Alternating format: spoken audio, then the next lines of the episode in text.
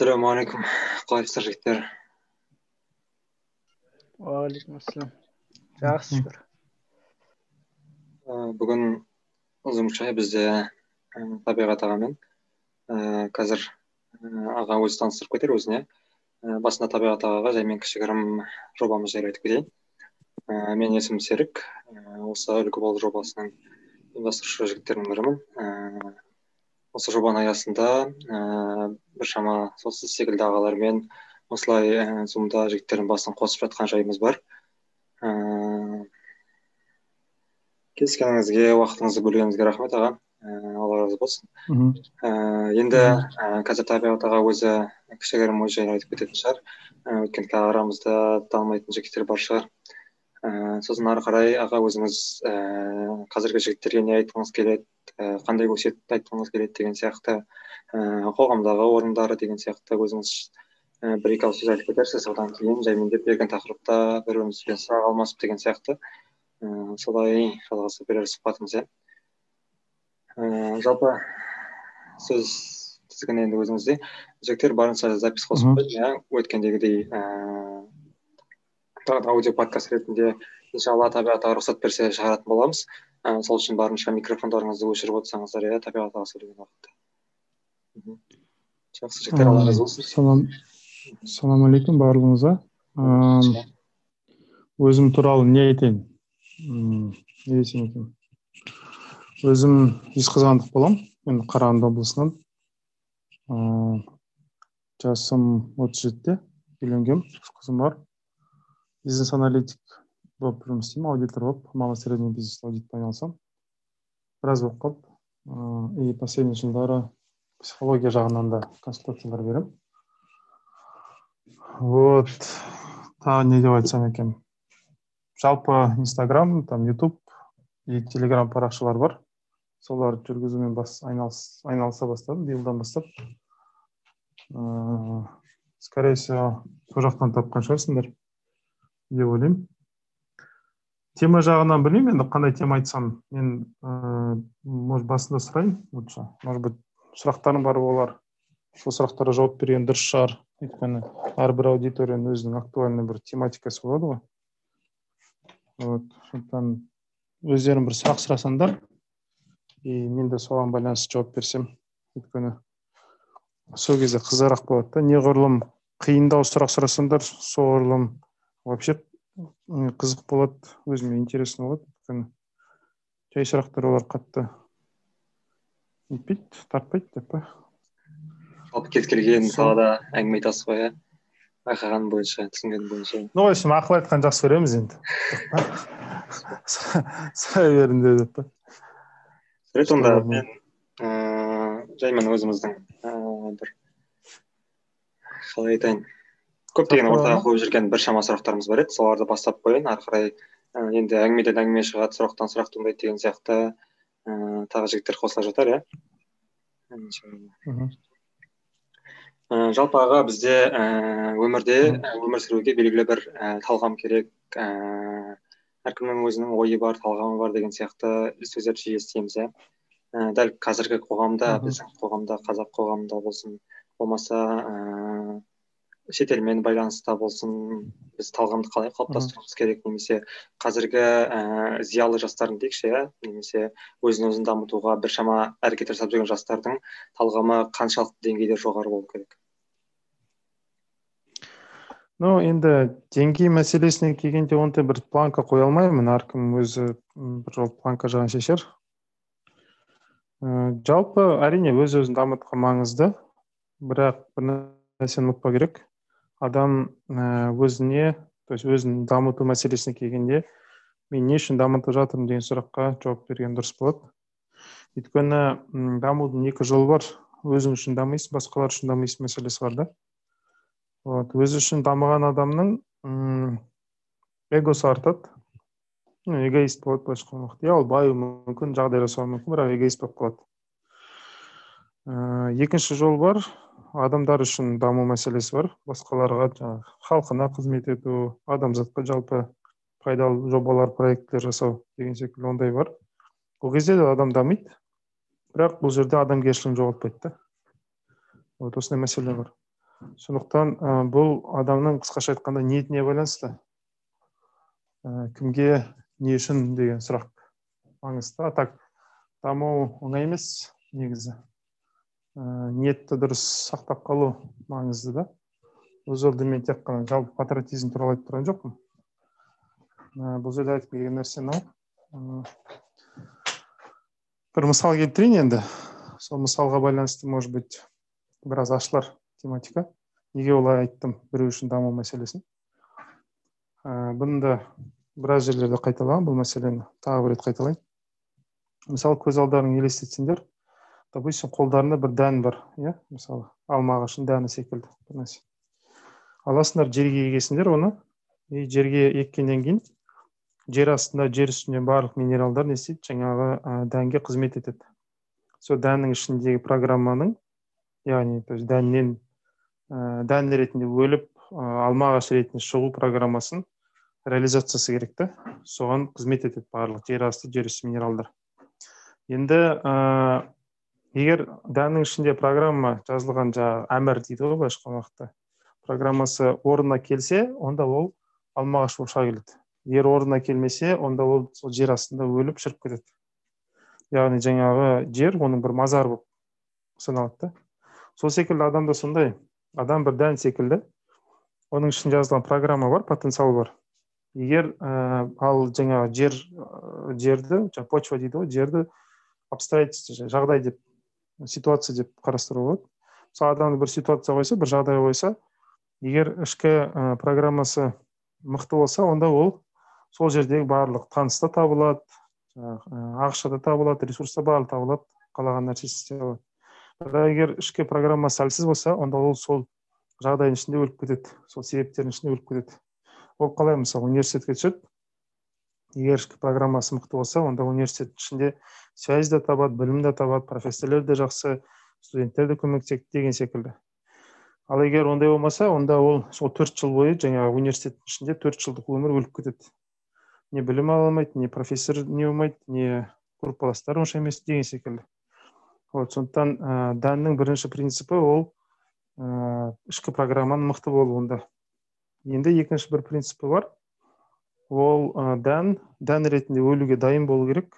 Ағаш ретінде ә, трансформация дейді ғой өзгеріс жасап эволюция жасап ағаш ретінде тууға пайда болуға дайын болу керек. Адам да сол секілді. Егер адам өзінің ескі әдеттері өлтіріп жаңа әдеттерді нетуге андай бейімделмесе онда адам өзгермейді. Адамның ескі мені старый я дейді ғой ескі мені өлу керек жаңа жаңа мені пайда болу керек. Енді мына жерде нәрсе айтайын. Алла тағала адамдарға сұраған нәрсесін сразу неге бермейді? Себебі егер адамға сразу берсе ол нәрсеге адам бейімделіп өзгермесе онда ол нәрсені берсе де адам естіп тастайды ол. Мысалы болады адамдар бір қылмыс арқылы бір жерден бір нәрсені ұрлап алады. Мысалы сөйтіп байиды иә мысалы. Біреуді алдайды сөйтіп байиды деген секілді. И сол байлықты көтере алмай қалады. Неге? өйткені ол мәселе байлықтың қолға тиюінде емес еді. Мәселе сол процесстің ішінде адамның өзгеруінде еді. Адам негізі өзгеріп дамуы керек еді. Сол ақшаға лайық болатындай дәрежеге жету керек еді. Бірақ ол ол дәрежеге жетпеді. Өзі өзгермеді. Просто ақшаны алып қойды. И ә, соңында результат ретінде адамды сол ақша езеді. Адам адамгершілігін жоғалтады. Адам андай хайуани әдеттер пайда болады деген секілді. Болмайтын бір жаңағы арам ләззатке кіретін болады деген сияқты. Сондықтан адамға сұраған нәрсесін сразу берген дұрыс емес. Оны сол нәрсені көтере алатындай дәрежеге жеткізіп содан кейін берген дұрыс. Мысалы сіздердің ыдыстарыңыз бір литр болып егер он литр сұрасаңыз оған бергеннің өзінде де қалған тоғыз литр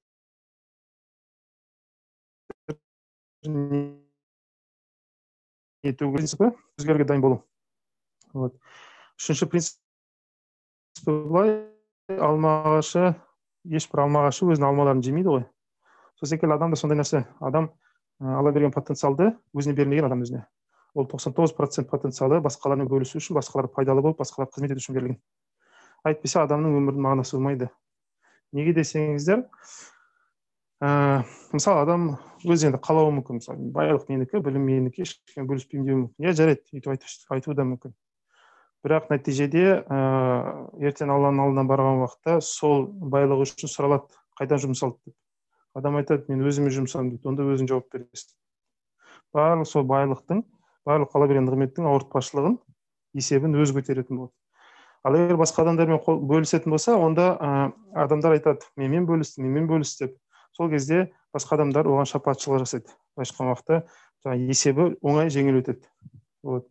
Сондықтан оны бұл дүниеде де көруге болады. Мысалы жас адамдар үйленеді. Басында жеті сегіз сағат ұйықтайтын адам үйленгеннен кейін бала пайда болады. Сол кезде кенеттен екі үш сағат ұйықтап жүріп та шыдап жүруді үйрене бастайды. Неге? Өйткені балаға қызмет етемін деп түннің бір уағында жаңағы ұйқысын да бөле алатын болады. Мысалы ә, жаңағы әртүрлі қиыншылықтарды мысалы көтере алатын болады. Бірақ жалғыз өзі болса бойдағы адам ондай қиыншылықтарды көтере алмайды. Адам үйленгеннен кейін сондай қиыншылықтарды көтеруді үйрене бастайды. Неге өйткені жаңағы балаға қызмет етіп балаға көмектескісі келіп тұр? Вот сондықтан ә, бұл жерде даму мәселесіне келгенде өздерің үшін дамуға болады әрине. Бірақ потенциал ашылмайды ол жерде. Ол жерде эго ашылады. То есть мен мен деген ана нарцисс адам дейді ғой былайша айтқан өзінен басқа ешкімді көрмейді сондай адам болып кетеді. Жаңағы хайуани андай қылықтар пайда болады деген секілді. Барлық нәрсені жыртып алу адам адамға қасқыр деген секілді сондай установкалар пайда болады немесе ә, басқа біреулерге қызмет етемін пайдалы боламын деп шешеді.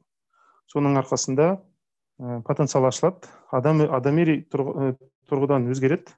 Жаңа алма өзінің алмаларын мысалы хайуанға береді ол хайуан өзінің етін адамға береді деген секілді барлық жәндіктер бұл әлемге андай zip файл дейді ғой былайша айтқан уақытта. Программада сжатый файл дейді ғой. Сондай ретінде келеді да и әрқайсысының мақсаты ашылып ішінде потенциалды ашып басқаларға соны ашуға көмектесу өмірдің ә, ең основной негізі андай мақсаты. Вот. Сондықтан ә, қысқаша енді даму мәселесіне келгенде осындай үш принцип бар. Программа мықты болу керек өзгеріске дайын болу керек және де басқаларға пайдалы болуды мақсат ету керек. Сол кезде адамның ішкі дүниесі сыртқы дүниесі орнығады сол түсіндіре алдым ба? Жеткізе алдым ба? Иә машалла алла разы болсын. Даму жолында бізде кейбір кедергілер болуы мүмкін иә. Жаңа өзіңіз айтқан сияқты адам өз үшін дамимын десе онда эго пайда болады дедіңіз. Мхм. Сол жолда қалай күресуге болады? Эгомен күресу мәселесіне келгенде мынандай нәрсе ұмытпау керек мысалы менен сұрайды жаңағы консультацияларда ақшамды қалай көтерсем екен дейді. Мысалы қалай бай болсам екен как поднять свой заработок? Анау мынау? деген секілді. Сонда классический бизнес нелерде мысалы тренингтарда семинарларда не дейді. Вот ты красавчик анау мынау? дейді да адамның эгосын жаңағы үрлеп шарик секілді үруге тырысады. Екі жол бар жалпы ә, жаңағы ә, неде? Біріншісі эгоны үлкейту арқылы болады. Былайша уақытта былай елестетіңіздер. Мысалы а точкасынан б точкасына шейін баратын бір жол бар. Ол жолда машинаға мысалы құю керек бір бензин керек энергия. Энергияның екі түрі болады. Немесе адам өзі үшін істейді немесе алла, алла үшін істейді или басқа адамдарға қызмет ету үшін істейді. Ә, мысалы бір миллион тауып жатсыздар да он миллион тауып тапқыларыңыз келеді. Немесе өздеріңізді нәпсістеріңізді арамдық жақтарыңызды он есе үлкейтесіз мысалы бір миллион емес уже он миллион қалайтындай қылып эгоңызды үлкейтесіздер немесе екінші жолы алладан тоғыз миллион сұрайсыздар. И сол тоғыз миллионды тоғыз адамға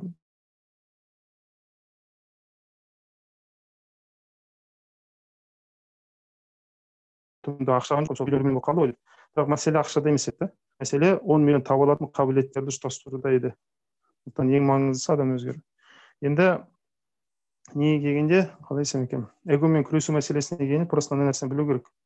Мысалы елестетіңіздерші андай ата аналар балаларымен ойнайды иә мысалы. Үлкен кісілер бір баламен ойнайды да. Баламен ойнағанда подыгрывать дейді ғой былайша айтқан уақытта бір андай мысалы тақ тақ деген бір ойын ойнайтынбыз біз. Атысып жаңағы жұлысып деген секілді иә. Қолыңа бір ағаш аласың сол ағашты пистолет жасаған секілді бірімен атысасыңдар шын мәнінде ол жерде оқ жоқ қой. Бірақ үлкен кісілер мысалы кішкентай балалармен ойнайды. Тақ мен сені аттым ана үлкен кісі жаңағы роль ойнап сол кезде а иә мен өлдім деп ойнайды ғой. Не үшін оны істейді? Оны істейтін себебі ана бала әлсіз ғой. И баланың әлсіздігіне жаңағы үлкен кісінің ішінде бір мейірім бар да. И ана балаға специально подыгрывать етеді ойнайды баламен. Не үшін? Бала дамысын деп. Бала ойын арқылы жан жағын зерттеуді үйренсін деп. Ә, жеңуді жеңілуді үйренсін деп. Вот сол секілді алла тағала да адамға нығмет берген уақытта ол ә, подыгрывать етеді. Былайша айтқан уақытта адамға м как будто адам өзі еңбегімен тапты секілді болып көрінеді. Да бірақ на самом деле олай емес. Негізінде адам ешқашан еш нәрсені өзі таппайды. Беретін алла тағаланың өзі. Ә, адам тек қана ала алады. Ол таппайды. Ала алады тек қана қабыл ете алады. Бірақ бұл жерде мына нәрсені білу керек. Мысалы допустим бір адам бар иә жұмыс істеп жүр иә. Егер жұмыс істеп жүр допустим ол жігіттің мысалы жиырма проценті ғана ашылған дейікші потенциал иә. И екі жүз мың теңге табады. Демек если оның потенциал жүз процент ашылса онда ол бір миллион табар еді допустим иә. Неге оның сегіз жүз мың алмай тұр? Неге тек қана екі жүз мың болып тұр? Себебі ол адам алладан шыққан бір миллионды пока адамға жеткенше, жеткенше ортада сегіз жүз мың төгіліп жатыр. То есть адамға жетпейді. Алла тағала бергісі келеді. Бірақ адамға жеткен уақытта адам ала алмайды. Сондықтан я заработал 200 тысяч деп айтқан дұрыс емес. Мен 200 мың таптым деп айтқан дұрыс емес. Былай айтқан дұрыс болады. Мен алланың берген бір миллионын өкінішке орай ортада төгіп алып жарты жылда төгіп алып тек қана 200 мың ғана маған келе алды. Демек мен 800 мыңның маған келуіне өзім кедергі болдым деу керек сондықтан адамның эгосы негізі жаңағы 800 миллионның а 800 мыңның адамға жетуіне кедергі болды. Осы хақиқатты түсінген адам одан кейін я заработал деп ойламайды. Мен таптым мен бүйттім мен сөйттім демейді. Ол былай ойлайды. Алла берген қанша нығметтің жартысын ғана жартысын ғана өткізе алдым. Қалғанын өкінішке орай төгіп алдым. Енді мен алла берген нығметтерді соңына дейін маған дейін жетуіне мен кедергі болмауым керек. Қалай кедергі болмаймын деген көзқараспен қарау керек өміріне. Как я не должен помешать э, дать богу сделать меня счастливым деген секілді. Вот сондай көзқараспен қараса сол кезде эгосы да көтерілмейді. Сол. Ассалаумағалейкум табиғат аға. Қайырлы кеш. Мен осы өзім сіздің ютуб каналындағы видеоңызды қарап тұрамын қол бос кезде былай айтқанда. Және бір сұхбатыңызда сіз реніштің пайда болуы жайлы айтқан болатынсыз. Қысқаша айтқанда адам өзіне ренжиді кейін басқаларға шығады көбінесе ата анасына мысалға.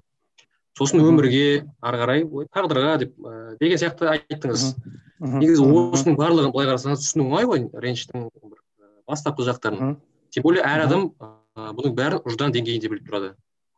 Ә, бірақ неге адамдарда әлі күнге дейін ә, бір сондай комплекс дейді ғой комплекстер қалыптаса береді. Және бұның алдын қалай алуға болады негізі.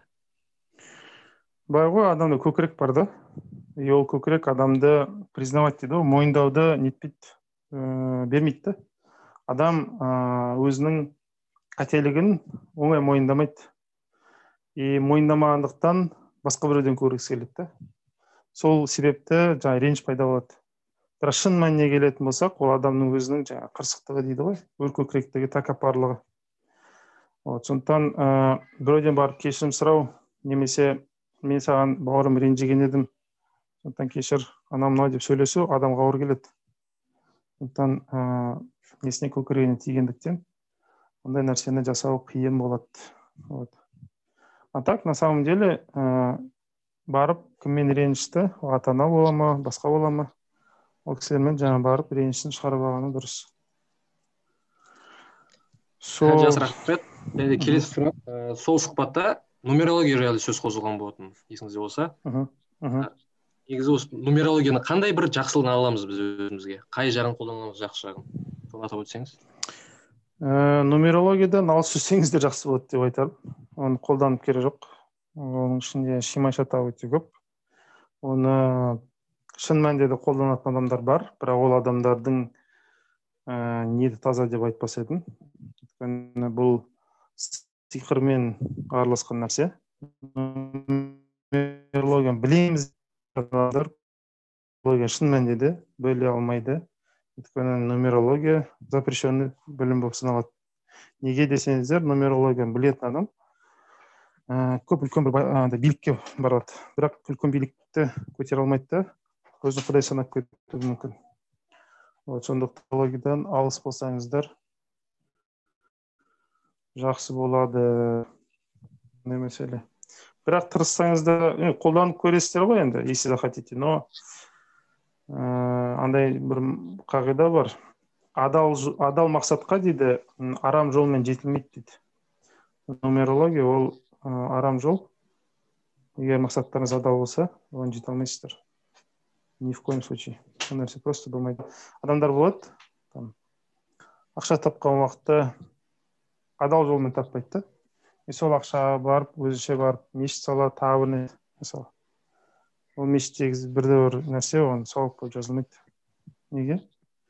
Өйткені ол арам ақшамен табу. Былайша құдайды алдай алмайсыздар ғой. Енді это как бы не ғой. Ә, сыйламау ғой. Құдайды сыйламау да.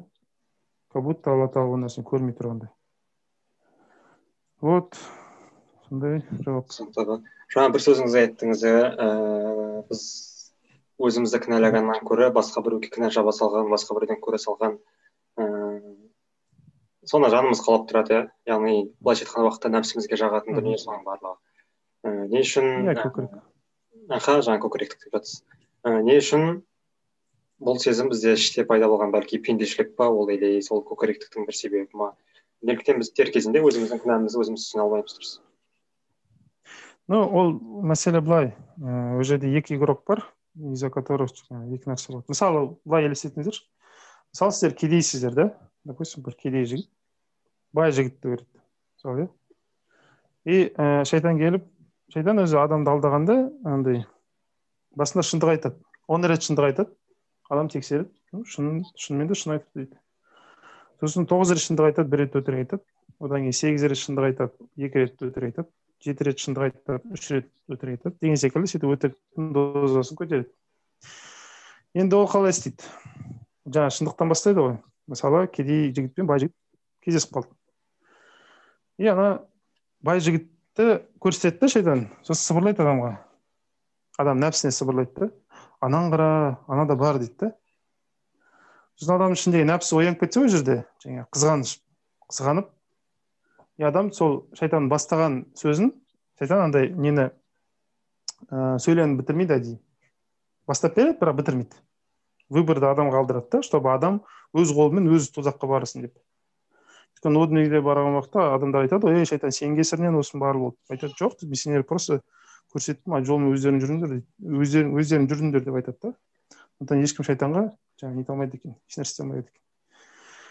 Енді ана нәрсе жаңағы жерде сөйлемді бастап береді. Ананы қара анада бар дейді да сол кезде адамның нәпсі тұрады да жаңағы қызғаныш сезінеді да сосын барып а менде жоқ дейді жаңағы мойындайды да а менде жоқ дейді. И сөйтіп сөйлем бітеді.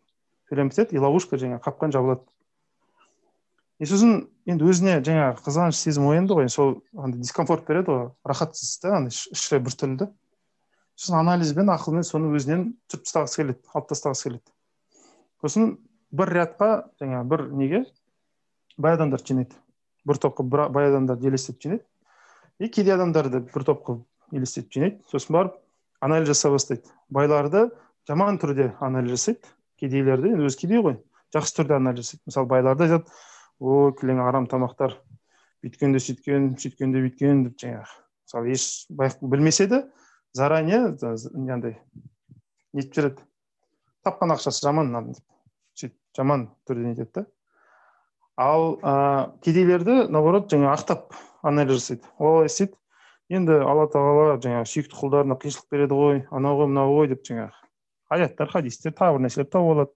Бабаларымыз айтқан сөздерін абайдың сөздерін тауып алады. Деген секілді адам өзінің жаңағы несін ақтайды. И әрбір сол кедейлікте өмір сүрген күні оған күнә жазылып тұрады. Әрбір әр кедейлікте өткізген күні күнә жазылады. Неге? Өйткені ол м күнде сол қызғанышпен өмір сүреді да күнде сол қызғанышпен сол оймен сол тұжырыммен өмір сүреді.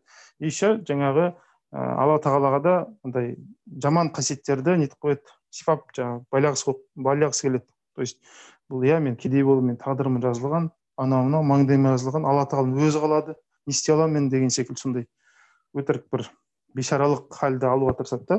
То есть алла тағала как будто бергісі келмей тұр деген секілді. Алла тағаланың жомарттығына қарсы шығады. Алла тағаланың мейіріміне қарсы шығады. Алла тағала наказывать еткісі келіп тұр. Алла тағала бір андай садистический характеристика дейді ғой былайша айтқан уақытта. Как будто бір алла тағаланың басқа істейтін ісі жоқтай жаңағы вот именно сені аңдып тұрады.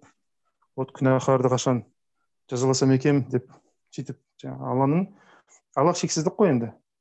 Шексіздікте ондай нәрсе жоқ. Андай біреуді қинау арқылы мәз болу деген секілді. Ол бізде бар ондай нәрсе. Ол адамға тән нәрсе.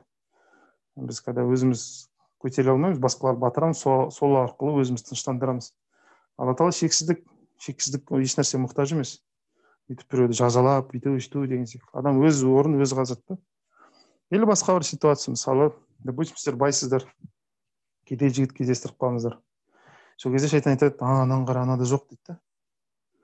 Сосын барып адамдар жаңағы нәпсі тәкаппарланып сезіледі да а менде бар дейді да. И анализ жасайды кедейлерді ой бейшаралар сорлылар еріншек анау мынау деп жамандай бастайды. А біз байлар енді біз енді алланың жолында жүрген адамдармыз. Біз зекет біз садақа беруіміз керекпіз сауапты іс жасауымыз керекпіз бүйтуіміз керек бүйтуіміз керекпіз деп тәкаппарлығын сипай бастайды өзінің. И әрбір берген жаңағы садақасы мен зекеті оған күнә болып жазыла береді. Түсіндіре алдым ба? Мен бұл жерде айтқым келіп тұрған нәрсе мәселе кедейлікте или байлықта емес. Мәселе адам қандай ниетпен жасап жатыр да оны. Егер әрбір берген ғибадаты немесе әрбір берген садақасы зекеті жаңағы саморазвитиесі әрбір оқыған кітабы егер адам тәкаппар қылатын болса ол күнә. Ал егер наоборот жаңағы кедей болып бейшара болып мүсәпір болғаны адамды қызғанышқа алып баратын болса ол да күнә деген секілді. Вот сондықтан адамның алдануы осылай жүреді. Шайтан өзі сыбырлайды адам соны мойындайды сосын еще и анализбен подкреплять етеді сөйтіп еще тағдырым деп жаңағы өзіне бір бір нәрсені придумать етіп қояды жаңағы ойдан сонымен өмір сүруге тырысады сөйтіп адам алданады сол жігіттер қоятын сұрақтарыңыз болса мархабат ассалаумағалейкум табиғат аға мен сұрақ қойып едім сұрақ қояйын дедім осы сізді инстаграм жаңағы телеграм посттарыңызда адамның потенциалы жайлы көп айтасыз да осы жаңада айтып кеттіңіз соны сұрайын дегенмін адам өзінің потенциалын қайдан біледі өзінің потенциалы қандай екенін және де оны қалай дамытуға болады? Адамның потенциалы ол на самом деле адамдікі емес. Ол алланың есімінен келетін нәрселер. Ол қалай? Мысалы алла алланың жемил деген есімі бар. Сұлу және сұлу сұлулықты ұнататын деген сондай. Вот сосын шафи деген есім бар. Мысалы шипа беруші деген немесе разақ деген есім бар. Мысалы ризықтандырушы деген сияқты. Вот ә, жемел есімінен адамның ішінде ә, мына сұлулыққа деген сезім бар ғой. Вот адам сұлу болғысы келеді денесіне ұқыпты қарайды деген секілді жаңағы таңертең тұрып шашын тарайды деген секілді жаңағы спорт залға барып жаңағы енді айнаның алдында бүйтіп гантель көтеріп өзіне қарап тамсанады ғой. Сол сезім сол сезім алланың жемел есімінен келеді. Ә, тамаққа деген мысалы аппетит дейді ғой былайша айтқанда жегісі келеді мысалы иә? Оның ол сезім алланың резақ есімінен келеді. Или мысалы адамның денсаулығына қарағысы келеді жаңағы не болғысы келеді енді ауырмағысы келеді деген сияқты ауырғысы келмейді деген сияқты. Бұл шафи есімінен келетін нәрсе. Былайша айтқан уақытта адамға егер алла тағала өстіп сондай қалаушылықтар қоймаса мысалы иә адам өзінің денесіне қарамайтын еді. Сол секілді адамның потенциалы негізі алланың есімдерінен келетін адамның ішіндегі алла жаратқан жаңағы нелер қалаушылықтар. Вот сондықтан потенциал дегеніміз ол адамның өзінен келетін нәрсе емес. Ол алланың жаңа есімдерінен келетін нәрсе. Мысалы допустим вот допустим үйлендіңіздер да балаларыңыз бар. Баланы бала, балаңызды иіскеп жаңағы сипағыңыз келеді. Сіз ойлайсыздар мысалы мен баламды жақсы көремін деп да? На самом деле сіз емес жақсы көретін баланы. На самом деле алла тағала балаңызды через вас жақсы көреді. Түсіндіре алдым ба былайша айтқан уақытта адамның сознаниясы мына ойы иә алланың құдірет қолында киген перчатка секілді. Түсіндіре алдым ба мысалы сіздер бір затты алу үшін допустим перчатка киесіздер ғой қолғап и сол көтересіздер. Қолғап ойлауы мүмкін. Мен көтердім деп. Иә? Бірақ на самом деле қол ғой көтерген. Қол просто қолғапты киді сол секілді алла тағала егер біреуге жақсылығын жеткізгісі келсе басқа адамды соған жақсылықпен неткізеді да андай. Бір адам біреуге жаңағы біреуді қорғағысы келсе мысалы иә? Жақындарын туыстарын балаларын бала шағасын қорғағысы келсе қорғап сол жолда мысалы күрессе на самом деле адам ойлауы мүмкін мен қорғап жатырмын деп. Жоқ олай емес. На самом деле алла тағала сол адамның күші арқылы ана құлдарын қорғап жатыр деген сөз. Түсіндіре алдым ба вот. Сондықтан ә, потенциалға байланысты осы бірінші біліну керек нәрсе сол. Потенциал адам өзінікі емес ол алланың адам ішіне салып қойған қалаушылықтары. Түсінікті. Аға енді сізде осы қазір біз ютубты инстаграмды телеграмды медиа желілер арқылы алдық қой енді. Сол арқылы ә, таратушылар деген сияқты. Ә, қазіргі таңда актуалды темалардың көбісі осы медиа желілерге келіп тіреледі. Ііі яғни Э, инстаграмды қалай қолдану керек ютубты қалай қолдану керек деген сияқты. Қазіргі таңда өзіңіз білесіз иә ә, небір блогерлер небір вайнерлер деген сияқты олар енді әркім қалай түсінеді сол теманы өзі солай қабылдайды солай өмір сүреді. Өзінің яғни қалаған комфортында деп айтамыз иә. Ә, енді мынандай сұрақ. Ә, намаз жолында жүрген бауырларымыз ә, аға інілеріміз әпке қарындастарымыз медиа желіні өзінің өзінің ойынша бәлки дамытып та жатқан шығар бірақ ә, кейбір жағдайларда ыыы ақы ұратын кездер болады иә. Көбінесе қазір актуальный тема ол әйел кісілердің осы блогерлікке байланысты ыыы айтылатын ойлары. Сол әйел азаматтарға байланысты. Соған бір көзқарасыңыз ну енді былай айтайын мен консалтингпен енді айналысқалы жылдар болды ғой. Оны бір мойындау керек консалтингтің ішінде мысалы иә жаңағы инфобизнес дейді ғой былайша айтқанда. Оның ішінде шарлатандар көп алаяқтар үнемі болған не болады да былайша айтқанда қазақша жалпақ тілмен айтқанда қоқтан теуіп неше түрлі айта салатындар тисе телекке тимесе будаққа деген секілді. Ондайлар көп алаяқтар көп бір оны мойындау керек. Бір екіншісі өкінішке орай бұл сферада ә, шындық пен өтірікті айыра алатын ә, мысалы мынау дұрыс мынау дұрыс емес деп айта алатын бір центральный бір орган бір ондай бір организация жоқ та. Әркім жаңағы не ойына не келді соны айтады. Налоги дейді анау дейді мынау дейді адамдар алдайды ақшасыз барады сөйтіп айтып береді да. Вот. И конечно бұл бір жағынан жаман андай қалай десем екен?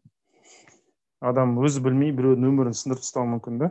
Мысалы өзі жаңағы байқамай жаңағы адамды қинап жіберуі мүмкін деген секілді. Немесе әдейі де істеуі мүмкін.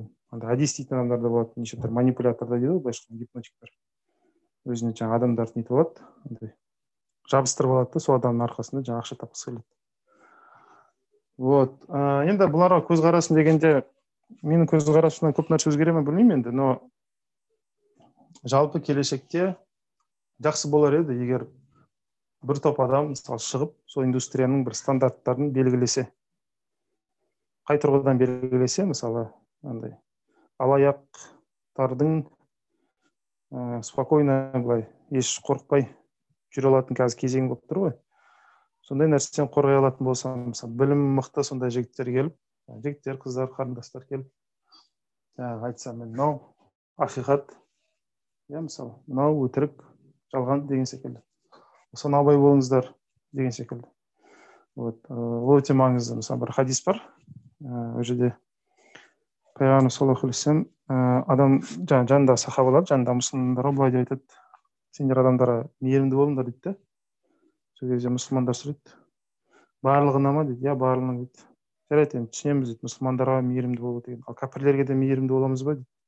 Иә оларға да мейірімді болыңдар дейді. Қалай десе?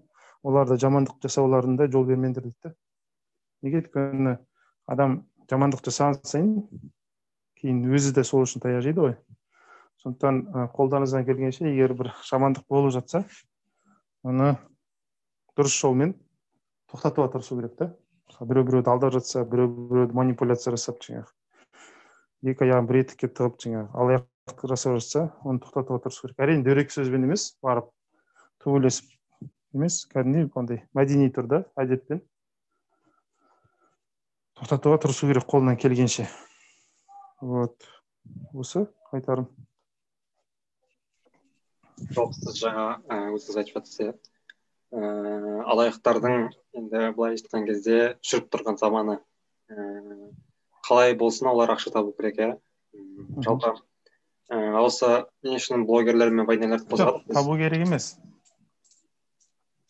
Айтып тұрған табу керек деп тұрған жоқпын жоқ айтқым келіп тұрған нәрсе былай сол алаяқтардың алдын ала алатын сондай адамдар керек. Жалпы бір адамның істелетін ісі емес ол. Сол аяқ алаяқ жалпы адам халық өзі ояну керек. Мхм. негізі сондай кісілердің бастапқы ойы негізі пайда ғой түптің түбіне келген уақытта іштегі мақсаты.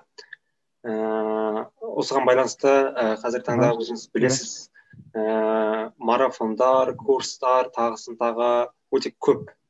Тіпті шертіп жүріп таңдайтын жағдайға жеттік та. Ііі так мынау ұнайды мынау ұнамайды деген сияқты. Иә. Yeah. яғни біздің қоғамға қазіргі таңда осы жақтан бір қауіп келген сияқты өйткені мағынасыз марафондар мен мағынасыз курстар өте толып кетті. Оның ішінде жаңағы вайнерлер болсын тағысын тағы ә, басқа да адамдар болсын әйтеуір. Енді бәлки өзінің білгенін де басқамен бөлісу дұрыс шығар бірақ ыыы жаңағы қазіргі таңда актуальный болып жатқан жаңағы аудио кітапша деген бәлелері бар. Ыыы жаңағы сурет өңдеу бір нәрсе. Жалпы мағынасыз марафондардың дәуірі жүріп тұр бір жағынан. Ыыы осыған қалай біз тосқауыл қоя аламыз? иә. Жол айтып тұрмын ғой ақиқатты танитын білімі мықты сондай адамдар болу керек. И олар сол индустрияның ішінде стандарттарды бекіту керек. То есть ә, орысша айтқан уақытта надо показать такой уровень качества чтобы андай шарлатандар ыыы еш нете алмайтын жарыса алмайтындай жағдайға келтіру керек та былайша уақытта бір мықты адамдар шығу керек. Сондай бір күшті бір ә, шынайы бір контент ортаға қою керек. Қалған өтірік контенттер оның жанында былайша айтқан уақытта грубо айтқан уақытта сүмірейіп қалу керек та вот. Сондықтан сондай бір контент қою керек. Мықты ақиқатқа толы жалпы бұл сіз айтып отырған контент сондай бір контент. Керек қалай айтсақ болады? Сіз айтып отырған контентті жүзеге асыру үшін жалпы қандай жағдай тудыру керек оны тудыратын факторлар немесе арнайы бір қазақ жастарының бір ұйымын құра аламыз ба деген сияқты? Енді онда ұйым деген уақытта ұйым құру қиындау болатын шығар сразу иә? Бірақ қолдан келгенше жаңағы кітап жазып жаңағы баспалар нетіп деген секілді. Сондай бір нәрсе жасауға тырысу керек та оны халық өзі сараптайды. Халық өзі айтады мынау бос кітап мынау дұрыс кітап деген секілді. Вот и ол біртіндеп біртіндеп келеді. Халық өзі андай жаңағы өзің айтпақшы таңдайды дедің ғой. Таңдауды үйренеді да басында таңдалмайды ғой талғамайды. Не келсе соны опырып жей береді. Бір уақыт келеді таңдауды үйренеді. И уақыт келеді ана бос вайнерларда кететін уақыттар келеді ол просто уақыт керек бар нәрсеге. Мысалы адамды қинап тұрып мысалы андай кейбір дәрежеге деңгейге жеткізу мүмкін емес та. Бір кейбір заттар болады ол уақыт керек. Ол тем более халықтың санасы жаңағы нету үшін тереңдеу үшін тем более уақыт керек. Ол оңай нәрсе емес. Кезінде бабаларымызды мысалы абайдың өзі мысалы жылдар бойы жырлап өтті. Қаншама адамдар мысалы қаншама кітаптар жазды. Деген секілді мұра қалдырды. Оңай нәрсе емес та ол. Оны біз қанша жерден былай от алып жаңағы бүйтейік сөйтейік дегеннен ол көп нәрсе сразу шықпайды. Оған уақыт керек. Адам салыстыруды үйрену керек деген секілді. Ағартушылық жолы мысалы. Ыбырай алтынсарин атамыз істегендей ол оңай болған жоқ та. Ауылдан ауылға жүріп адамдармен сөйлесіп деген. Қазір сондай енді оңай болмайды ол сразу болмайды. Оған уақыт керек оған сабыр керек. Жалпы бұл тема неге қозғалды? Өйткені ә, біздің бастапқы назар салатын орта ол біздер жастардың ортасы да. Яғни ә, мемлекеттің келешегі жастар деген сөздерде көп айтылады иә арамызда. Сол үшін де қазіргі ортадағы осы медиа желіні пайдаланып отырған ііі қауымның көбісі жастар ғой. Осы жастарға инстаграм болсын жаңағы тик ток деген тағы бір желі бар. Сол арқылы әйтеуір бір санасын улап жатыр дейміз ба әлде оларды бір жеңіл өмір сүруге үйретіп жатыр дейміз ба ііі алаңдататын мәселе осы болып тұр да ііі яғни осылар сияқты вайнерлар сияқты әйтеуір ііі бағана өзіңіз айттыңыз тисе терекке тимесе бұтаққа дейді да барады да бір ііі контент жасайды. И ол контент арқылы ыыы әйтеуір бір жеңіл жолмен ақша тапқысы келеді жеңіл жолмен бір пайдаға кенелгісі келеді олар сияқты бір күшті өмір сүргісі келеді. Бұл істердің артында соншама қаншалықты бір ойын дейміз бе әлде бір спектакль ма сол ә, сол жағын қалай ойлайсыз өзіңіз? Қаншалықты жатыр бұл енді өзіңіз де сол салада жүргеннен кейін? Соңғы жағы естілмей қалды да. Ә, жалпы жалпы вайнерлердің өмірі енді былайша айтқан уақытта керемет өмір иә жаңағы машина ауыстыру тағы деген сияқты. Осының артында қаншалықты спектакль жатыр деп ойлайсыз? Ну спектакль дегенде спрос э, порождает предложение деген сөз бар ғой. Егер шынымен де мысалы қазақ халқы алайықшы халық ретінде алайықшы мысалы да? Иә халқымызды сүйеміз. Бірақ кейбір нәрселерді мойындау керек. Халық шынымен де зиялы болса мысалы иә? Халық шынымен де мысалы өзінің жаңағы тарихи мұрасына ие болғысы келетін болса халық шынымен де ақиқатқа ұмтылған болса мысалы иә жаппай. Онда ол вайнерларды көрер ме еді? Көрмес еді ғой. Вот сондықтан халықтың өзі ондай нәрсе дайын емес. Андай действительно күшті бір контентті қабылдауға дайын емес. Мен оны ақмақ деп тұрған жоқпын. Бірақ әлі піспеген әлі шикі халықтың қазақ халқының санасы қазір шикі. жиырма отызыншы жылдары қалай қырды? Сол сол уақыттан бері әлі бір пісіп нете алмадық андай. Аяққа тұра алмай қалдық. Иә айтады енді елу жылда ел жаңа дейді бірақ соның өзінде де елу жыл өтіп сразу барып өзгеріп кетеді деген нәрсе де жоқ қой. Оның бір әрекетін жасау керек та еңбек ету керек та сол мәселе тек қана уақытта ғана емес жалпы бір андай талпыныс болу керек та сол сондықтан ә, халық өзі қаламайынша иә мысалы халық өзі өзінің жаңа өмірін өзінің тағдырын ә, есепке қисапқа салып не істеп жатырмыз ойбай деп оянғысы келмейінше ыыы бір нәрсені өзгеру қиын халықтың өйтіп оянуы да жаңағы ыыы зиялылардың жаңағы оқығандардың көргендердің арқасында болатын іс та негізі қолдан келгенше. Вот. Жалпы ыыы жалпы оңай болмайды бұның барлығы. жалпы осы ә, медиа желінің ә, бір зияны дейміз ба? Жастарға бір шабуыл жасап жатыр да медиа арқылы. Қазір енді заман дамыған деген сияқты әңгімелер иә жаңа өзіңіз айтасыз уақытқа барлығын жауып қоюға болмайды деп. Ә, уақыт келе түзеледі уақытымен деген сияқты әңгімелермен ә, әңгімелерге тоқталғанымызбен бірақ ә, ол уақыт келем дегенге дейін толықтай сананы улап тастаса ше деген тағы бір қорқыныш бар да іште. Енді ол болады енді. Әрбір нәрсенің өзінің андай төгіледі жолда кейбір нәрселер. Бүлінеді кейбір нәрселер ысырап болады деген секілді ол болады енді ол ол бір идеальный бір өмір болмайды ешқашан бір андай ешбір кіршіксіз деген секілді ол жастар иә жас, жастардың көзінше барлық идеальный болу керек жастар идеалист болады бірақ опыты бар адам айтады енді төгілмей шашылмай ешнәрсе түзелмейді да сондықтан ол төгілу шашулар болады бірақ ол төгілу шашылуге адам басын жоғалтып эмоцияға салынып ойбай деп истерика жасап ол да дұрыс емес. Ыыы бірақ ақылға салып отырып бір ойланып план жасап соған байланысты жобаларды іске асырып ыыы сөйтіп қимылдау керек та ал егер былай эмоциональный истерика болатын болса енді ол дұрыс емес енді. Ол алысқа алып бармайды и мысалы бұрын бабаларымыз мысалы жорықтарға қатысқан уақытта әртүрлі жаңағы әскери жорықтарға қатысқан уақытта андай өте батыр адамдарды өте андай былай былайша айтқан уақытта орысша айтады ғой безбашенный дейді ғой былайша айтқан уақытта еш қорықпайтын сондай қатты эмоциональный адамдарды мысалы бастық қылып қоймаған әскердің басына қоймаған. Неге ондай басы қызу қанды адамды әскердің басына қойса ол бүкіл әскерді алады да мысалы стратегия анау ойламай барады да жаңағы дұшпанның апанына барып бір ақ тығады да. Өйткені не оған төбелес керек болып тұр да. Ал басшы ретінде андай суыққанды жаңағы оны соны таныған опытный жаңағы ақыл тоқтатқан сондай адам, сондай адам қойған дұрыс та. Ол адам жаңағы төбелес іздемейді наоборот төбелеспей жауды қалай жеңуге болады деген сұрақты андай ойлайтын болады да көбірек. Вот сондықтан қызуқанды әрекет еткісі келетін адам ол төбелес дейді үнемі. Ал ақыл тоқтатқан адам ол төбелеспей қалай жеңсем екен дегенді ойлайды. Сондықтан ә, мәселе маңызды болса онда көбірек ойлану керек. Неғұрлым мәселе маңызды тем более халықтың андай ойына әсер ететін сондай зор бір мәселелерге байланысты адам максимально ақылмен жақындау керек. Сол. Жалпы аға өзіңізде ютуб канал бар дедіңіз иә? Өзіңіз де видео салып тұрасыз арасында.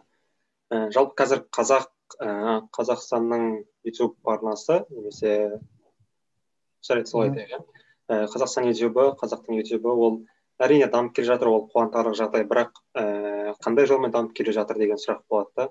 Ііі салынады ііі насихат айтатын жақсы әңгімелер болсын ұстаздарымыздың уағыздары болсын барлығы салынады бірақ олардың ііі қаралымы ііі қазіргі бағана айтып кеткен вайнерлердің блогерлердің салған дүниесінен қаралымы қаралымнан әлдеқайда төмен. Яғни халық ііі нені таңдайтынын әлі күнге дейін білмейді.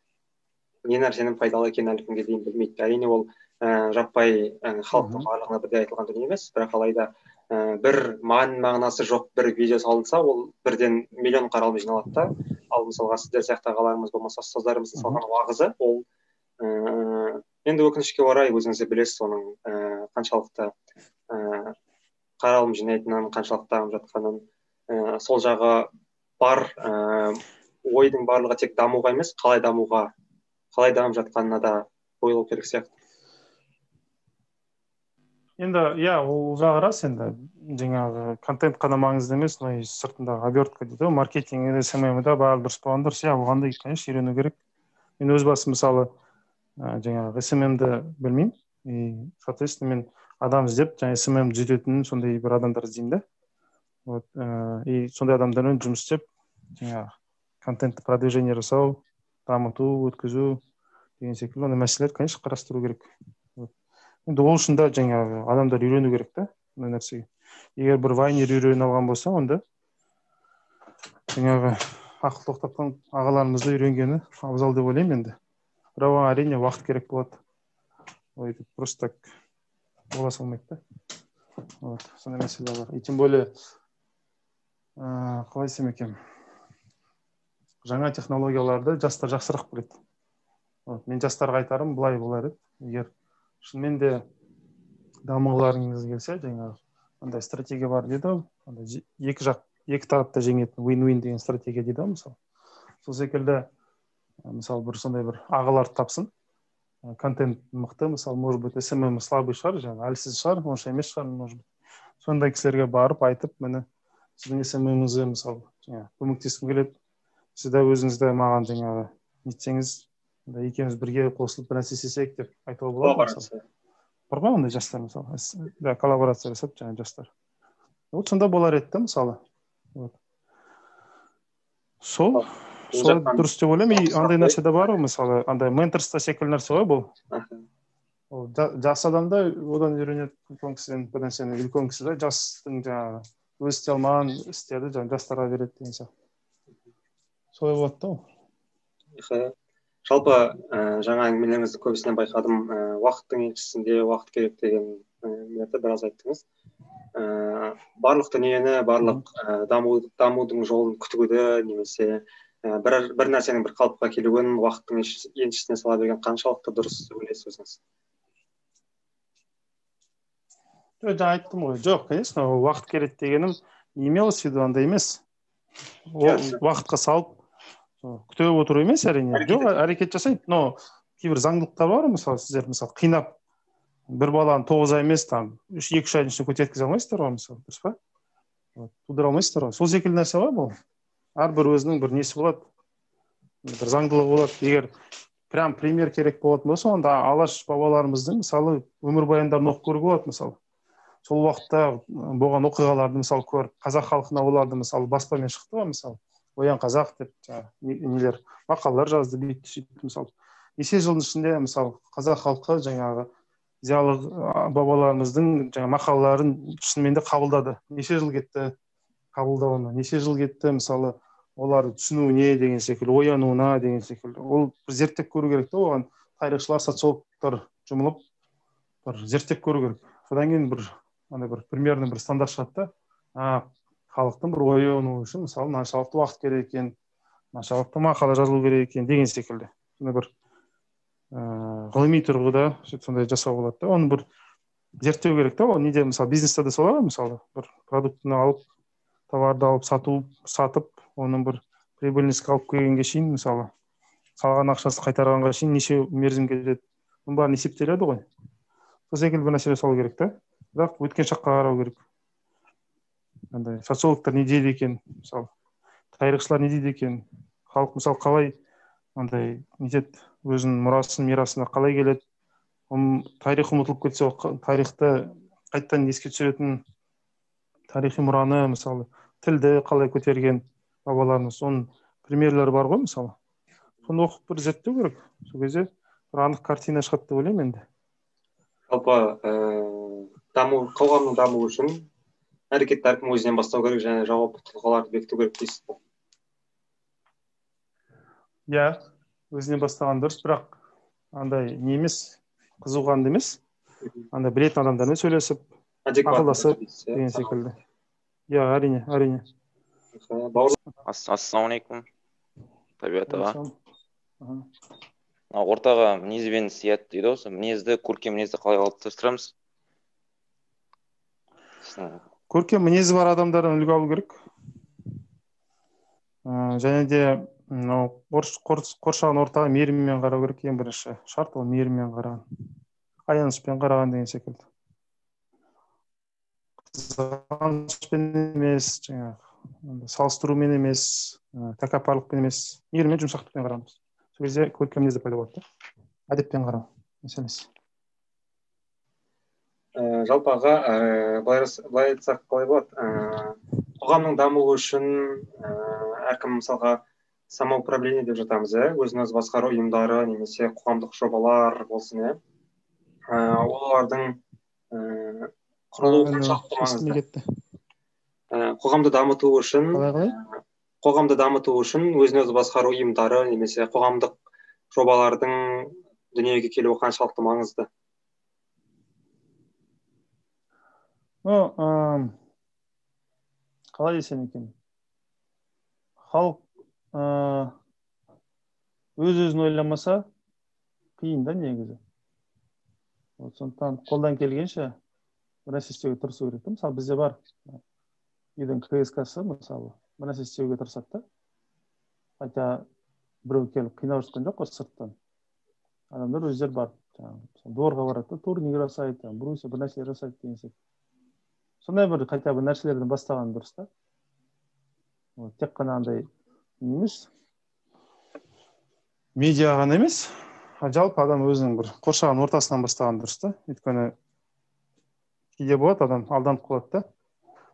Грандиозный бір үлкен бір жоба жасауға тырысады да барлығы ел көріп бәрін нететін деген сияқты. Бірақ жанында ешкімге ешнәрсе бермеген да бар ондай адамдар болады мысалы. Сырт сырттағы біреулерге вообще жапан далада жүрген біреулерге күшті пайдалы болуға тырысады да бірақ өз баласына өз жақындарына жұбайына там қатты қарай қоймайды да. Сондықтан ол жерде де бір андай не болу керек та баланс болу керек та деңгей болу керек та вот деңгей. Сол сондықтан сөйтіп істеген дұрыс деп ойлаймын өз басым алысқа кетпей. Жалпы біздің ыыы жоба жайлы бір екі ауыз сөзіңіз болса немесе жастарға жеткізетін бір бір екі ауыз сөзіңіз болса ә, жалпы сұхбатымызды қорытындыласақ айтарым сол енді. Пайда болуға тырысу. Былайша айтқанда халқына қызмет ет деген секілді. Өзін жоғалтпау вот. Сосын қолдан келгенше уже результат көрсеткен ақыл тоқтатқан біраз жерге барған ағаларымызбен тілдесіп сол кісілерден біраз нәр алып сөйтіп қимылдаған дұрыс деп ойлаймын. Өйткені үлкен кісілердің де берер нәрсесі біраз болады да зор зор. Әйтпесе кейде болады жастар бір нәрсе істейміз дейді да қателіктер жасайды жасайды жасайды. Уақыт өтіп кетеді да сондықтан уақыт жоғалтпас үшін үлкен кісілермен ақылдасып сөйтіп бірге істеген дұрыс деп ойлаймын. Қолдан келгенше мысалы менторство секілді сондай программаларға қатысқан дұрыс деп ойлаймын өз басым енді рекламасын жасамай ақ бірақ адамдар көп қой. Шынымен де бизнес саласында да адами жағынан да андай патриоттық сезім жағынан да мықты ағаларымыз біраз бар. И оны жастар біледі.